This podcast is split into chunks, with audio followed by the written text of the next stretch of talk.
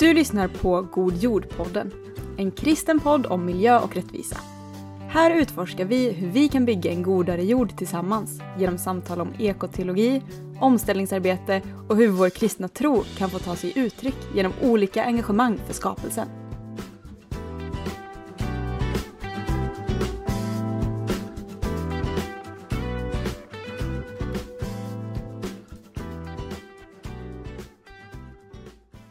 Varmt välkomna till ett nytt avsnitt av God jord-podden. Och den här gången så träffar vi broder Björn Engdahl för att snacka skapelseteologi och eh, hur vi tar hand om den eh, kärleksgåva vi har fått av Gud. Det blir den här gången ett lite längre avsnitt för att vi kunde inte riktigt sluta prata. Men vi hoppas att ni också tycker att det är lika intressant och eh, vill hänga med. Så nu kör vi!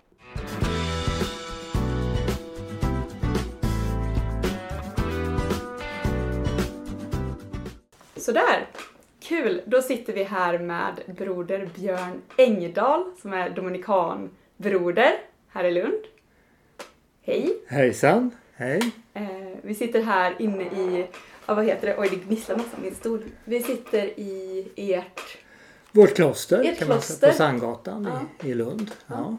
Superkul och har precis varit och kollat lite på eran trädgård som ni har och Ja. vi har fått en liten rundvisning. Eh, men vill inte du berätta först vem du är innan vi drar igång det här? ja, jag är alltså dominikanbroder, alltså predikarorden eh, tillhör, tillhör jag. En predikarbroder inom katolska kyrkan. Vi är en, en gammal orden från 1200-talet. Vi eh, eh, studerar och eh, försöker tolka hur världens skeenden med hur, hur Gud verkar i våran värld idag. Eh, och eh, i dialog med andra göra saker. Mm. mm. Ja, och jag har förstått att du är, eller jag har ju fått höra om dig från eh, vänner här i Lund, att du är väldigt intresserad av det här med miljö och det är så jag har fått tag på dig och genom Godjords lokalgrupp och sådär. Eh, är det ett intresse som du har haft länge liksom? Eller. Ja, det kan man väl säga. Jag har alltid varit intresserad på något sätt men egentligen är det just eh, på Francisco. Det har varit en väckarklocka för mig, hans eh, skrivelser. Och eh, att detta är en fullständig nödvändighet att vi, vi som kristna tar, tar oss an de här frågorna på allvar. Och det gäller inte bara några få specialister utan alla måste på något sätt ta det här som en grund för den kristna predikan i våran värld idag. Mm. Så eh, jag varit intresserad eh, men nu hade jag förra året tillfälle att studera eh, en hel del kring de här frågorna och även besöka folk som har flyttat ut på landet för att odla i Frankrike och bo i kommuniteter och så. Så att det har inspirerat mig till den här gemensamma trädgårdsodlingen som vi nu börjar eh, ett projekt här i Mm. klostret i, i Lund. Mm. Mm. Kul! Den ser jag fram emot att eh, komma och greja i lite i framtiden. Ja, ja. Du nämnde att du har varit iväg och läst lite, kollat sådär. Vad är det mer specifikt du har? Du Jag har läst, eh, man kan säga jag har läst väldigt brett egentligen om förståelsen av världen. mm, Eh, förståelsen av eh, hur man kan titta på, på våran jord och människans förhållande till jorden. Så jag har läst skapelseteologi men också filosofi i anslutning till Mm. detta. Och jag har läst en hel del etnologi om hur ursprungsbefolkningar tittar på, på ser på jorden. Och, och då kan man eh, också se att oj, det, en hel del av det tänkandet finns faktiskt bakåt i våran kultur också, även i den bibliska kulturen. mm, Att det är inte så väsensfrämmande alltid vad, vad, urs, vad ursprungsbefolkningar idag håller på med mot vad finns i den kristna traditionen. Åh, Att intressant! det finns någonting som kan berika oss och det är ju något som också påven tar fram väldigt starkt. Alltså att man måste Mm. lyssna på de här folken. De har bevarat någonting som vi Mm. har förlorat i, i den västerländska kulturen. Det Mm. vill säga Och vad är, det då, vad är det då? Jo, det är att vi ser idag naturen som någonting dött. Mm. Någonting som vi kan förfoga över mm. och göra vad vi vill med. Medan de är i relation då till allt det som inte är mänskligt också.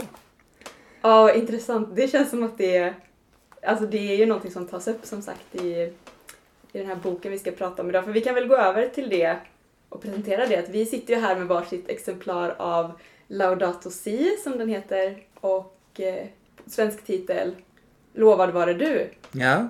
Eller eh, om klimathot och ojämlikhet som det står på mitt exemplars framsida. Ja men, just det, det är en annan version du har där. Men direktöversättningen är väl ja. Ja. Lovad vare du. Eh, och eh, det här är ju påvens encyklika om omsorgen om vårt gemensamma hem, står det på framsidan av min. Eh, och då måste jag ju börja med att fråga, vad är en encyklika? Ja, det här är, är alltså, han har kommit med en senare som heter Alla bröder, Tutti Fratelli, för ett år sedan ungefär, som är en, följer upp det här. Men, och påvarna skriver sådana här rundskrivelser alltså till kyrkan um, om kyrkans tro och lära. Mm eh, sedan lång tid tillbaka. Och eh, eh sedan 1800-talet, eh, slutet av 1800-talet så har påvar, eh, den ena efter den andra, skrivit i sociala frågor. Mm. Eh, och, och detta har då bildat den katolska kyrkans sociallära som är då en det som kyrkan omfattar som, som kyrka i, i vad det gäller sociala frågor. Och eh, eh, Lovad vare du, Laudato Si, är då en, den, en, en sådan som då ingår i den här katolska socialläran. Just det. Eh, så skulle du säga att det är ganska nytt, liksom, det han kommer med? Eller är det en utläggning av tidigare skrifter också? Eller vad? Det, han sammanfattar ju väldigt mycket, ja. man ser väldigt mycket fotnoter, att det är så här biskopskonferenser och sånt där. Mm. Eh, så det är inte helt nytt. Men är det ändå eh, just påve Franciscus bidrag är lite den här encyklikan som han skriver, eller de som han skriver? Eller hur kan man... Um, man kan väl säga att eh, han eh, med den här encyklikan så fördjupar han och breddar eh, blicken på, på skapelsen. Mm. Eh, det är inte nytt i och för sig det han Nej. säger. Men det är fördjupat och det kommer i en situation där vi har behov av att ta de här frågorna på mm. allvar på ett sätt som man kanske inte uppfattade riktigt tidigare. Mm. Både eh, påvarna Johannes Paulus den andra och Benedikt har skrivit väldigt mycket om de här sakerna och det är helt i linje med deras undervisning som, mm. som, ehm, som eh, påve Franciscus skriver. Mm. Sen är det speciellt för han använder då ett ganska vardagligt språk. Mm. Den riktar sig, till skillnad från andra encykler, så riktar den uttalat till alla människor. Mm. Inte, alltså, ut, ut, även alla som är utanför kyrkan och mm. utanför katolska kyrkan. Mm, eh, så den riktar sig till hela världen. Och det präglar ju också den här texten att man ska kunna se det här som en, en uh, en fullständig syn där han lyckas greppa över hela fältet kring var, var vi befinner oss i mm. världen idag. Mm. Och ange vägar eh, hur man kan då eh, se på detta på ett mer kreativt sätt än man kanske i vanliga fall gör. Mm. Eh, genom att innefatta allt möjligt, alla möjliga ämnen. Mm. Ja, för jag tyckte jag blev lite förvånad när jag såg den att den är ändå ganska tunn, liksom encyklikan. Men den spänner ju verkligen över många ämnen mm. och inte bara översiktligt utan jag tyckte att den gick djupt på många grejer, liksom, speciellt mm. teologiskt eller vad man ska säga. Eftersom det är det som är syftet med den. När han har skrivit den här så har han ju alltså tillkallat de bästa experterna i världen man kan hitta och, och över ett mycket brett fält. Mm. Alltså samhällsvetare, filosofer, teologer, tek, eh, säkert också eh, naturvetare, mängder forskare och så. Så det är ett jättestort arbete Mm. då som han då sen eh, ja, lägger sista handen vid och Mm. präglar med sin, med sin andlighet. Då. Mm. Just det.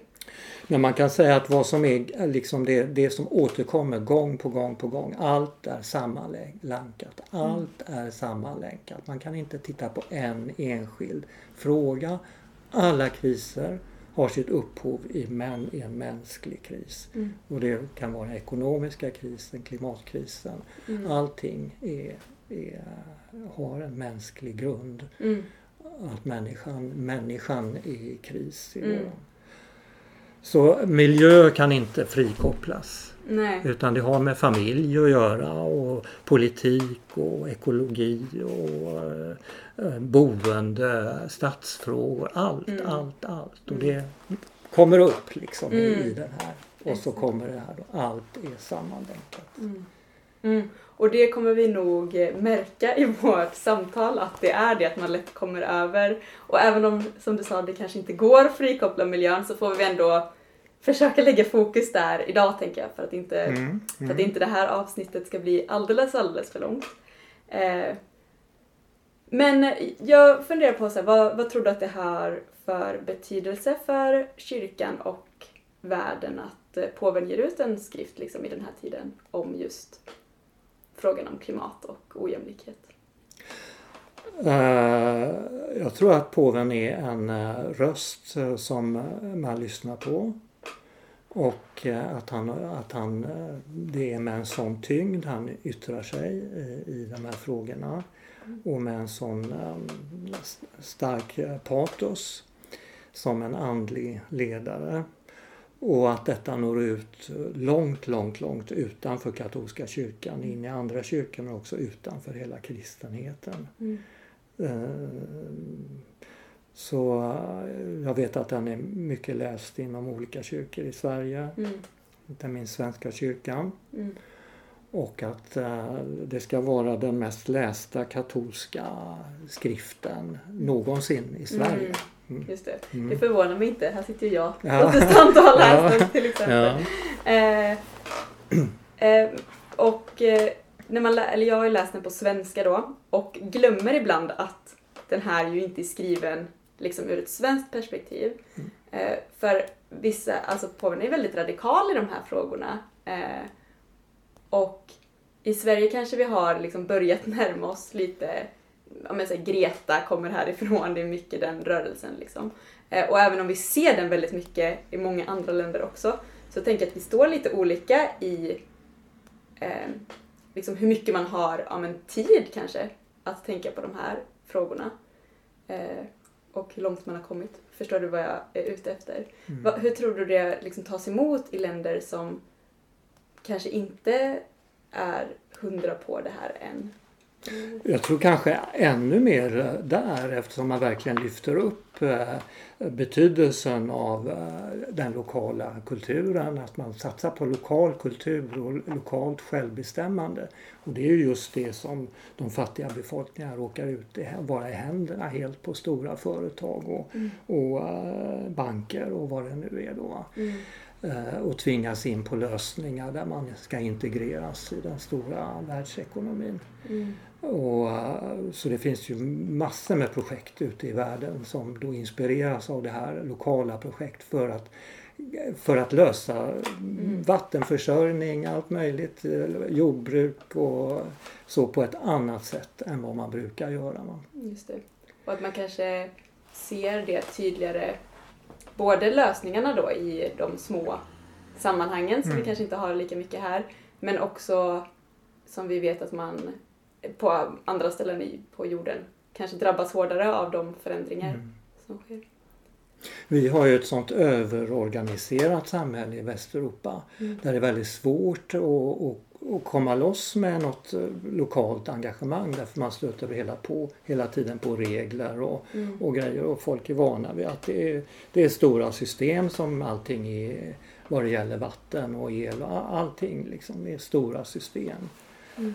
De här teknologiska systemen som man ju verkligen går på också mm. och säger att det här är helt uh, ohållbart att människan blir underordnad de teknologiska systemen. Mm. Uh, som vi har blivit idag. Mm. Och det är kanske lättare på ett sätt då i, där det inte finns några av de här systemen ännu då mm. etablerade att lokalt gå. Mm.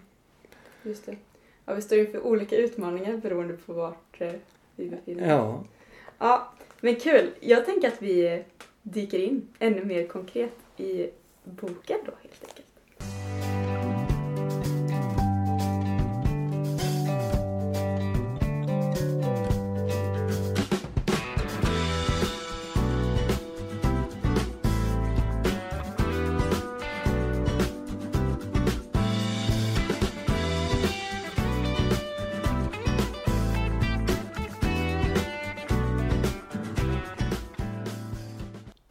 Om du får i uppdrag av mig att med några korta meningar liksom sammanfatta Guds relation till skapelsen idag. Hur... Ja, det, det, det, viktiga centrala är ju att Gud eh, älskar allting. All, det finns ingenting som, eh, som Gud hatar utan han älskar allting. Som det finns ett citat, en, eh, ett citat här från uh, Syraks bok tror jag, eller Vishetens bok är det kanske. Och eh, allting är en gåva. Hela skapelsen är en gåva av Fadern, en kärleksgåva. Eh, och han är trädgårdsmästaren. Eh, han, det, för, det första han gör är att han skapar en trädgård och där placerar han människan som ska vårda och, br och bruka den här trädgården. Mm. Ehm, och eh, allting är i Gud är i Guds relation mellan, mellan de olika personerna, Fadern, Sonen och den heliga Ande. Och det är en modell för oss att allting i världen egentligen är, bygger på relation, på att det ger ut sig själv för mm. den andra. Så Gud, genom att vara Gud som älskar så älskar oss till att vara detta i dessa relationer med honom, med varandra, med djuren, med växterna och med bergen och allt vad det är. Att vara detta.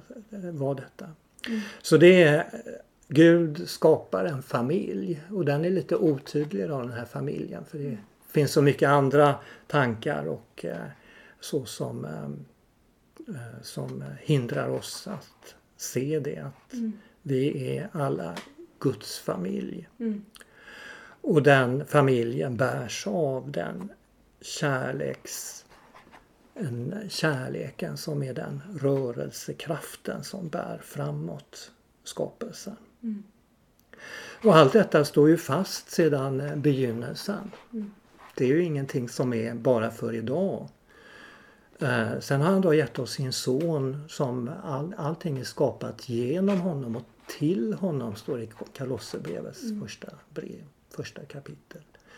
Det är skapat till honom och så att uh, han är, sonen är den som egentligen, idag har vi en, uh, en syn på världen som är matematisk och naturvetenskaplig, att det är spridda delar liksom som fungerar uh, på något sätt tillsammans. Mm.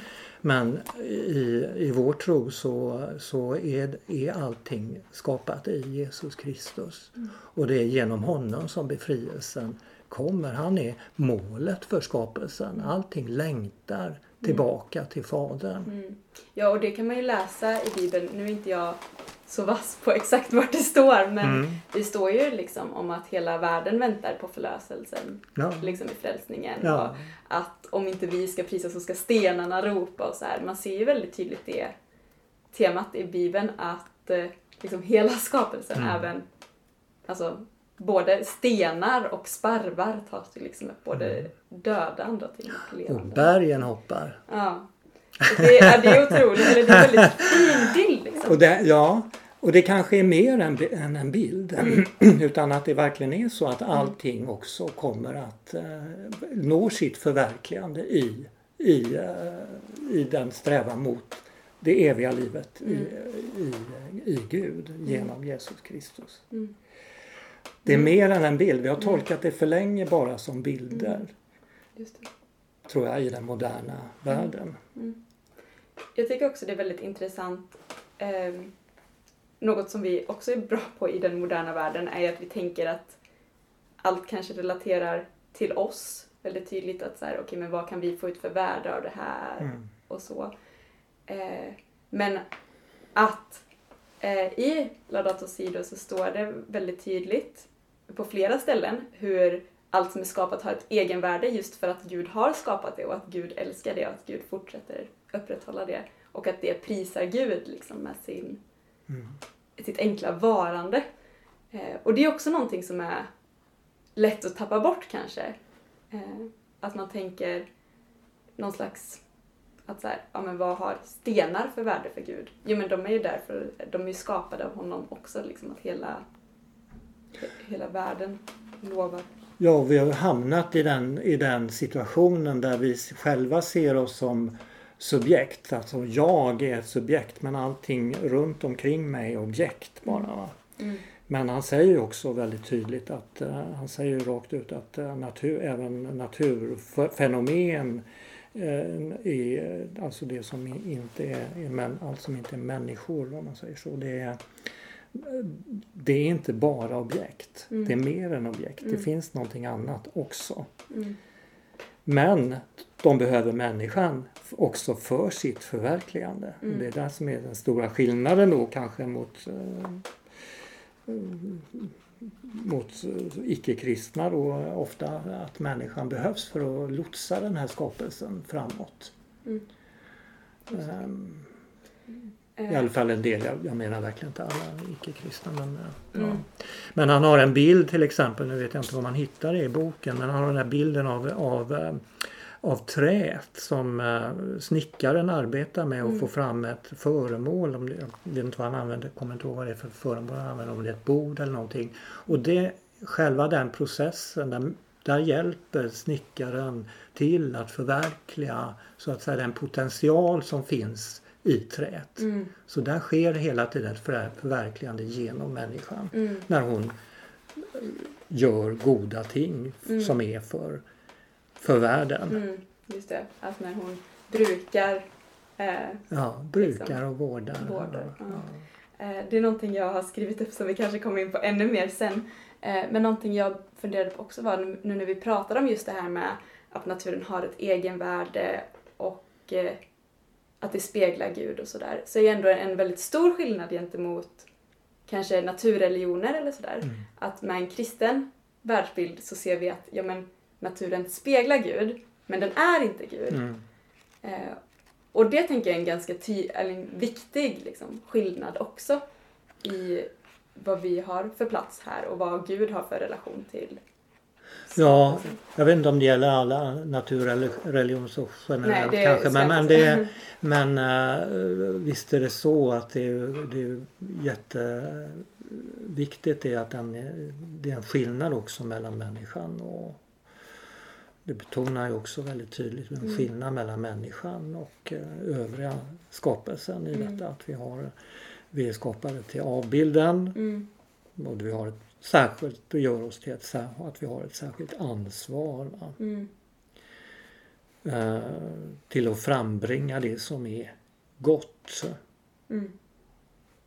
Mm. Ja, då- kom... Och det som är, det som är då, vi, vad, vad är det vi gör då? Jo, vi, vi, eh, vi eh, ledsagar då så att säga i den bästa av världar så gör vi detta.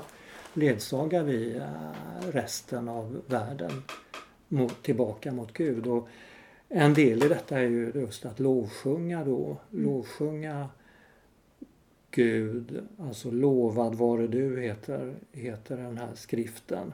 Mm, Lovad vare du och det börjar faktiskt de allra första raderna i, i den här skriften så är det lovad vare du. mm, Eh, och eh, det är ett citat från eh, helige Franciscus, eh, hans solsång. Jag kan bara, ska jag läsa bara nå- en Mm. liten strof här? det. i detta. Lovad vare du min Herre med hela din skapelse.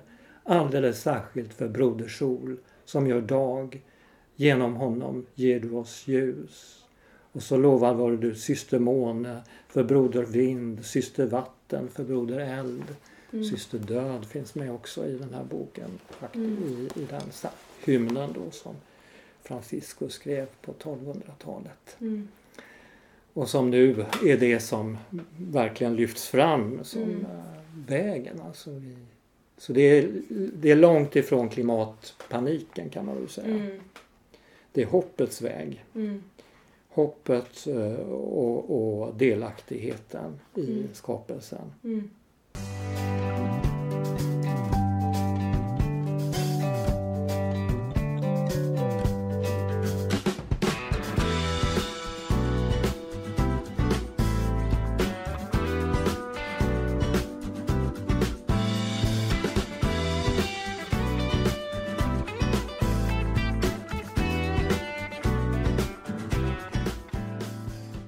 I Solsången då så får vi ju väldigt tydligt se liksom hur, hur vi kan använda naturen och se Gud genom den också, tänker jag. Eller hur skulle du? Naturen som en, eh, som en bok. Mm. Så, det är en gammal bild också. Mm. Uh, som en bok där vi, där vi, där vi ser uh, Guds verk. Mm. mm. Mm. just det. Och det har jag skrivit upp här faktiskt, att se naturen som en bok som pekar på Gud och att snarare än att vara ett problem som ska lösas är världen ett jublande mysterium som ska kontempleras med glädje och lovprisning. Mm. Eh, och det tyckte jag var väldigt fint. Det finns massor med sådana fantastiska formuleringar mm. här som gör det verkligen värd att läsa. Va? Verkligen. Jag kände att när jag satt och förberedde att jag skrev ner så många citat ja. att jag tänkte jag får akta mig så att det inte bara blir högläsning här. eh, mm.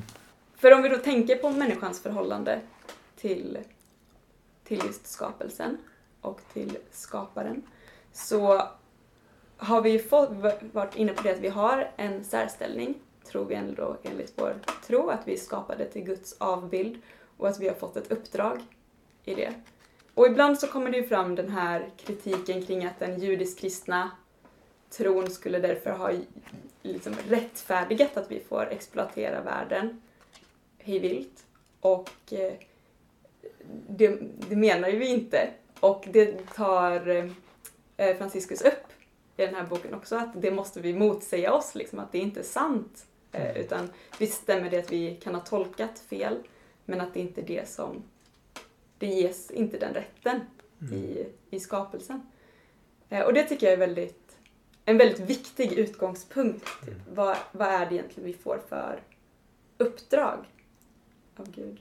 Ja, det där just um, att, uh, krista, att den, kristenheten så att säga är skuld till härskandet. Det, är ju, det sattes väldigt effektivt av en, av en jag tror en amerikansk vetenskapsman som hette Lynn White på 60-talet. Mm. En artikel som var väldigt, väldigt, väldigt läst och väldigt, är väldigt så mm, epokgörande. Epokgörande ja. så, som um, Eh, där just eh, kristna tron gjordes till ansvarig för allting. Som mm.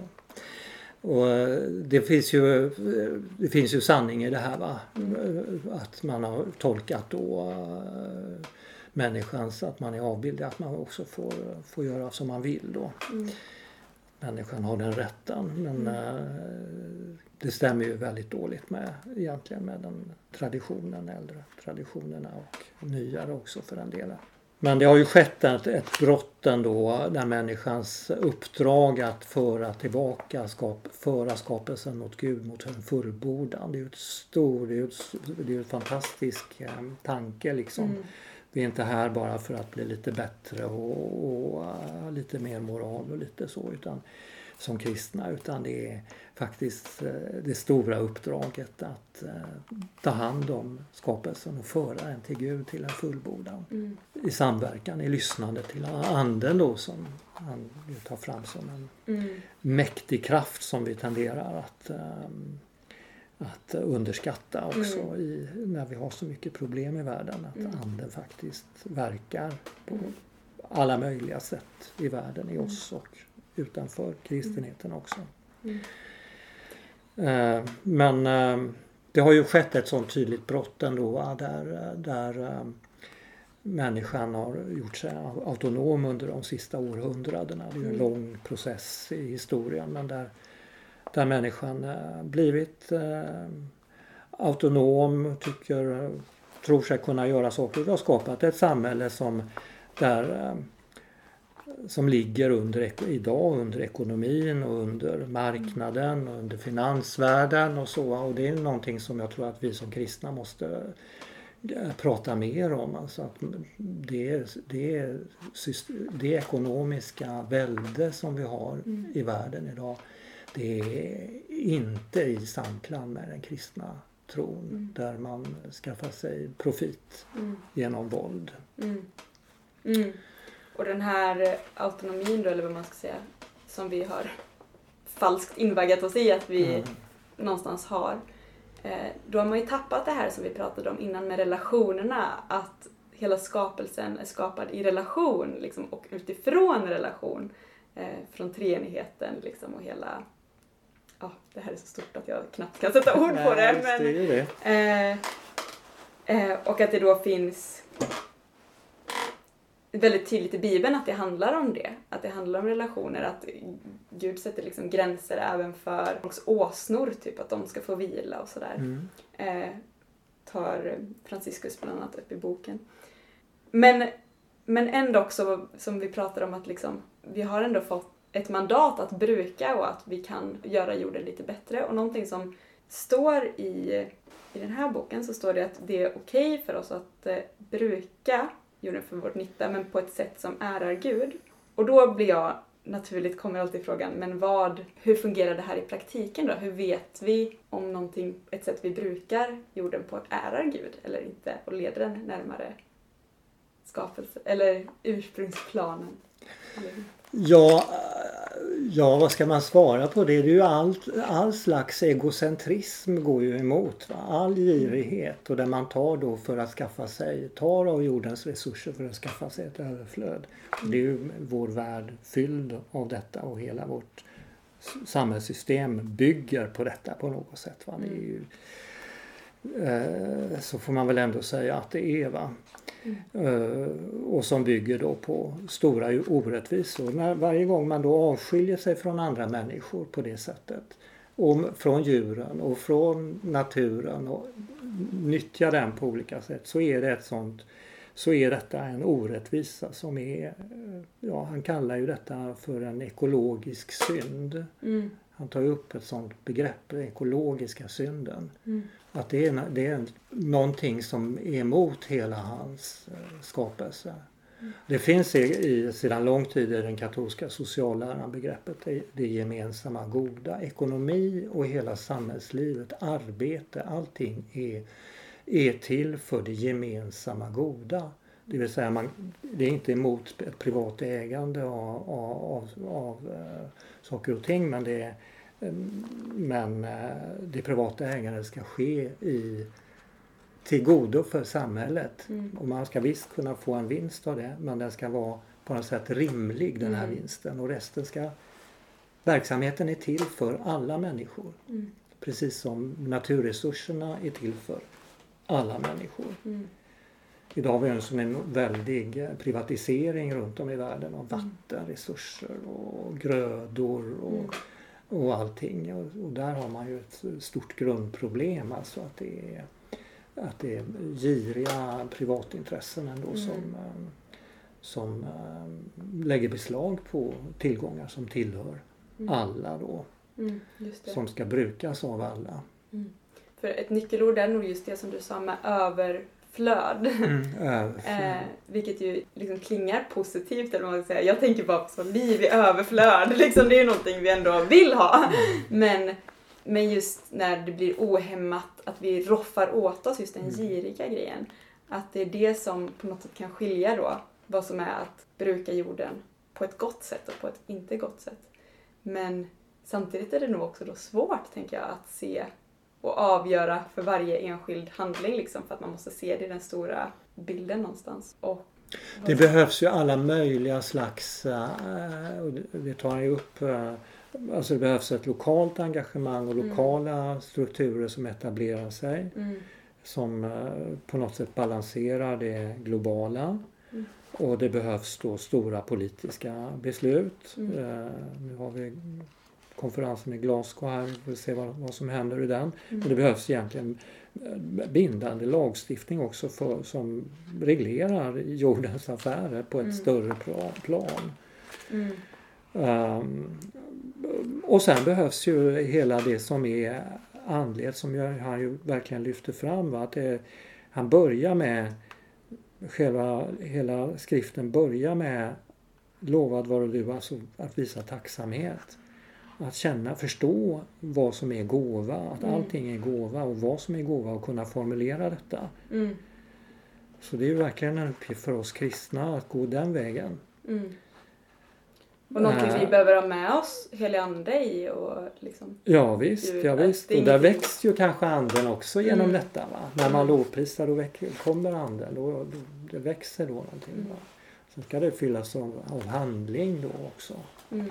Gäller inte, räcker inte bara att sitta en- söndag och en söndag utan det är hela livet som Mm. måste infiltreras av den här tacksamheten. Mm. Och svaret på den här tacksamheten, att man tar hand om. Mm. Och han plockar fram ganska mycket. Han har ett, ett begrepp som eh, Han har begreppet eh, eh, lycklig besinning. Besinning. Det återkommer i slutet. Alltså vi måste besinna oss inför våra egna handlingar och vårt eget liv. Och där är det det är en andlig väg då han efterlyser för människan till skillnad från då konsumtionen som gör oss ytliga och eh, dumma i förhållande till verkligheten. Vi Mm. be- beter oss eh, lite hur som helst liksom när vi grips av den här konsumtionslystnaden. Mm. Eh, Så det är en besinning, en lycklig besinning. Alltså det finns ett annat liknande eh, i traditionen som heter då salig fattigdom. Mm. Alltså att man ser det här har jag och det här är väldigt vackert det jag har i mitt liv. Mm. Det här som vi nu gör tillsammans, att vi sitter här, det är någonting oerhört vackert. Vi sitter och pratar med varandra. Mm. Och att kunna se det här och ta till sig det här, det är också en medicin mot, mot konsumtionslystnaden. Mm. Att se det man har och hålla tillbaks och sakta ner Mm. eh, sitt liv. Mm. Ja, och där, där har ju den kristna världsbilden liksom något annat att eh, bidra med än just kanske Mm. lycka genom konsumtion eller lycka genom att ja, den som har mest när man dör vinner. Liksom. Eh, Mm. Att eh, vår tro pekar på andra värden, som Mm. du säger. Och det är inget man kan göra på egen hand men man kan göra det tillsammans i våra kyrkor och så. Och Mm. Därför är gemenskap, att se kyrkan som en gemenskap är, så, är helt centralt då på den här vägen. I Sverige är det, är det svårt därför att vi har så väldigt individualistiskt samhälle och folk Mm. har, sina, har möjligheter att sticka hit och dit och göra det och det och köpa det på alla möjliga sätt. Många i vart fall, inte alla. Mm. Och, eh, men andra länder är ju kyrkan mycket mer av en gemenskap verkligen. Va? Mm. När man bidrar och där, och där är det ju bättre jordmån kan man ju säga då för också att genomföra en sån här, vad han säger, kulturell revolution. Det är väldigt Mm. modigt att använda ett sånt uttryck. Mm. Men han använder ordet kulturell revolution att, för att det är något så stort som måste till Mm. i våra liv, i Mm. våra samhällen. Mm. Att man lämnar en väg för att gå en annan väg. Mm. Och inte bara en liten grupp kristna utan jag tror att detta är, kan bredda ut. det. Det finns så, så många människor av god vilja som idag som verkligen vill leva på ett annat sätt. Mm. Och när det blir tillräckligt många så ja, då blir det en rörelse av detta. Mm. Långt utanför kyrkan också. Mm. Mm. Mm. Verkligen. En slags omedveten lovprisning från många sida också Ja. som inte är kristna. Det är Ja. fint. Ja, verkligen. Mm. Verkligen.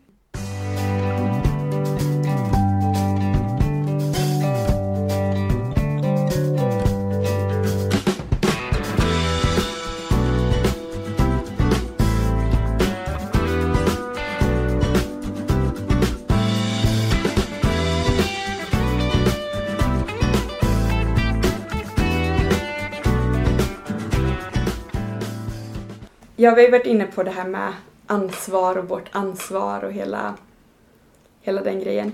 Eh, och ibland kanske man kan bli lite ledsen över att se hur vi har förvaltat det.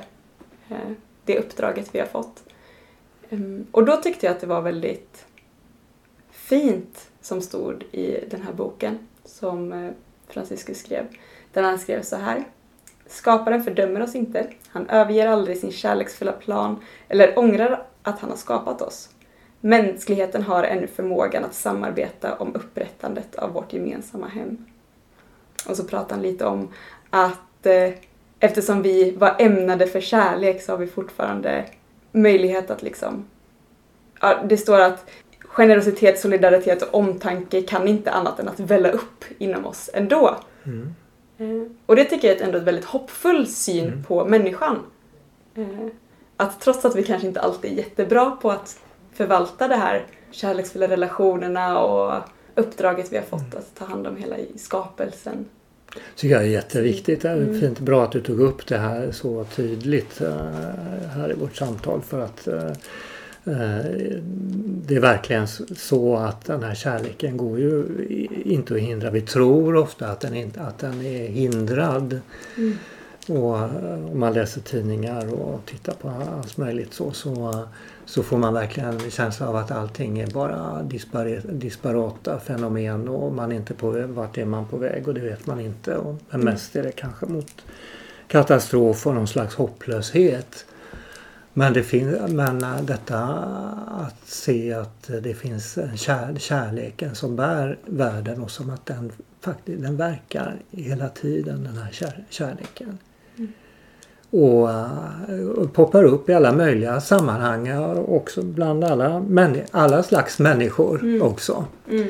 Eh, och detta är ju det som ger hopp Mm. Att det finns den här kärleken som mm. gör, gör det möjligt för oss att hoppas.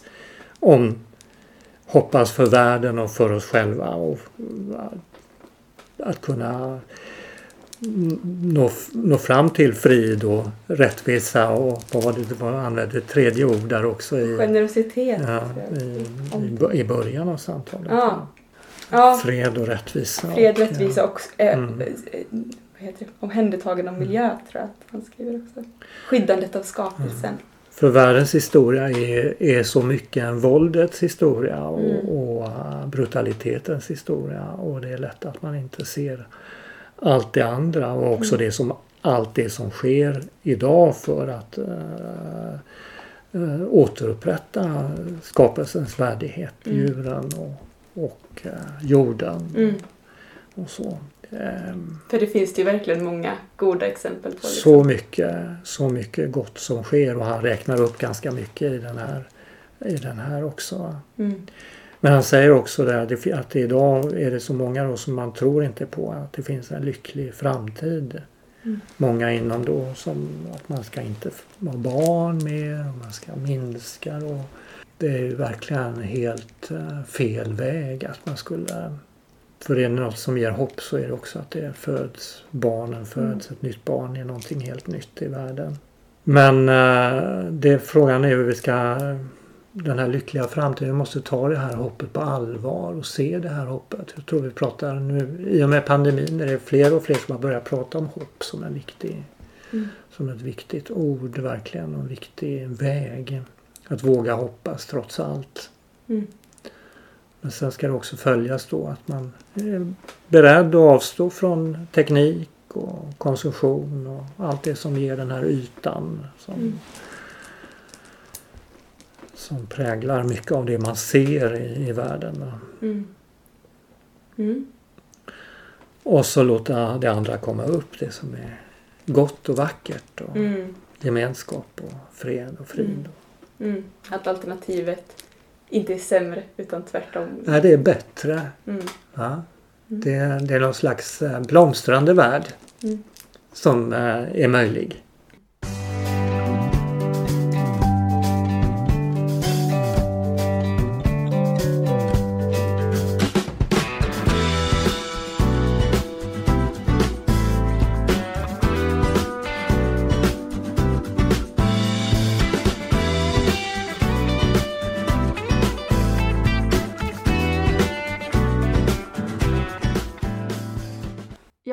Det här hade man nog kunnat prata minst lika länge om, men eh, vi får avsluta där, trots att vi tyckte det var superintressant. Och eh, tycker du som lyssnar också det, så får du jättegärna lämna en kommentar så vet vi vad ni vill ha mer av i framtiden.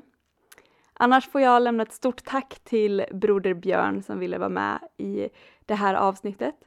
Som vanligt också ett stort tack till Kajsa som klipper och till dig som har lyssnat.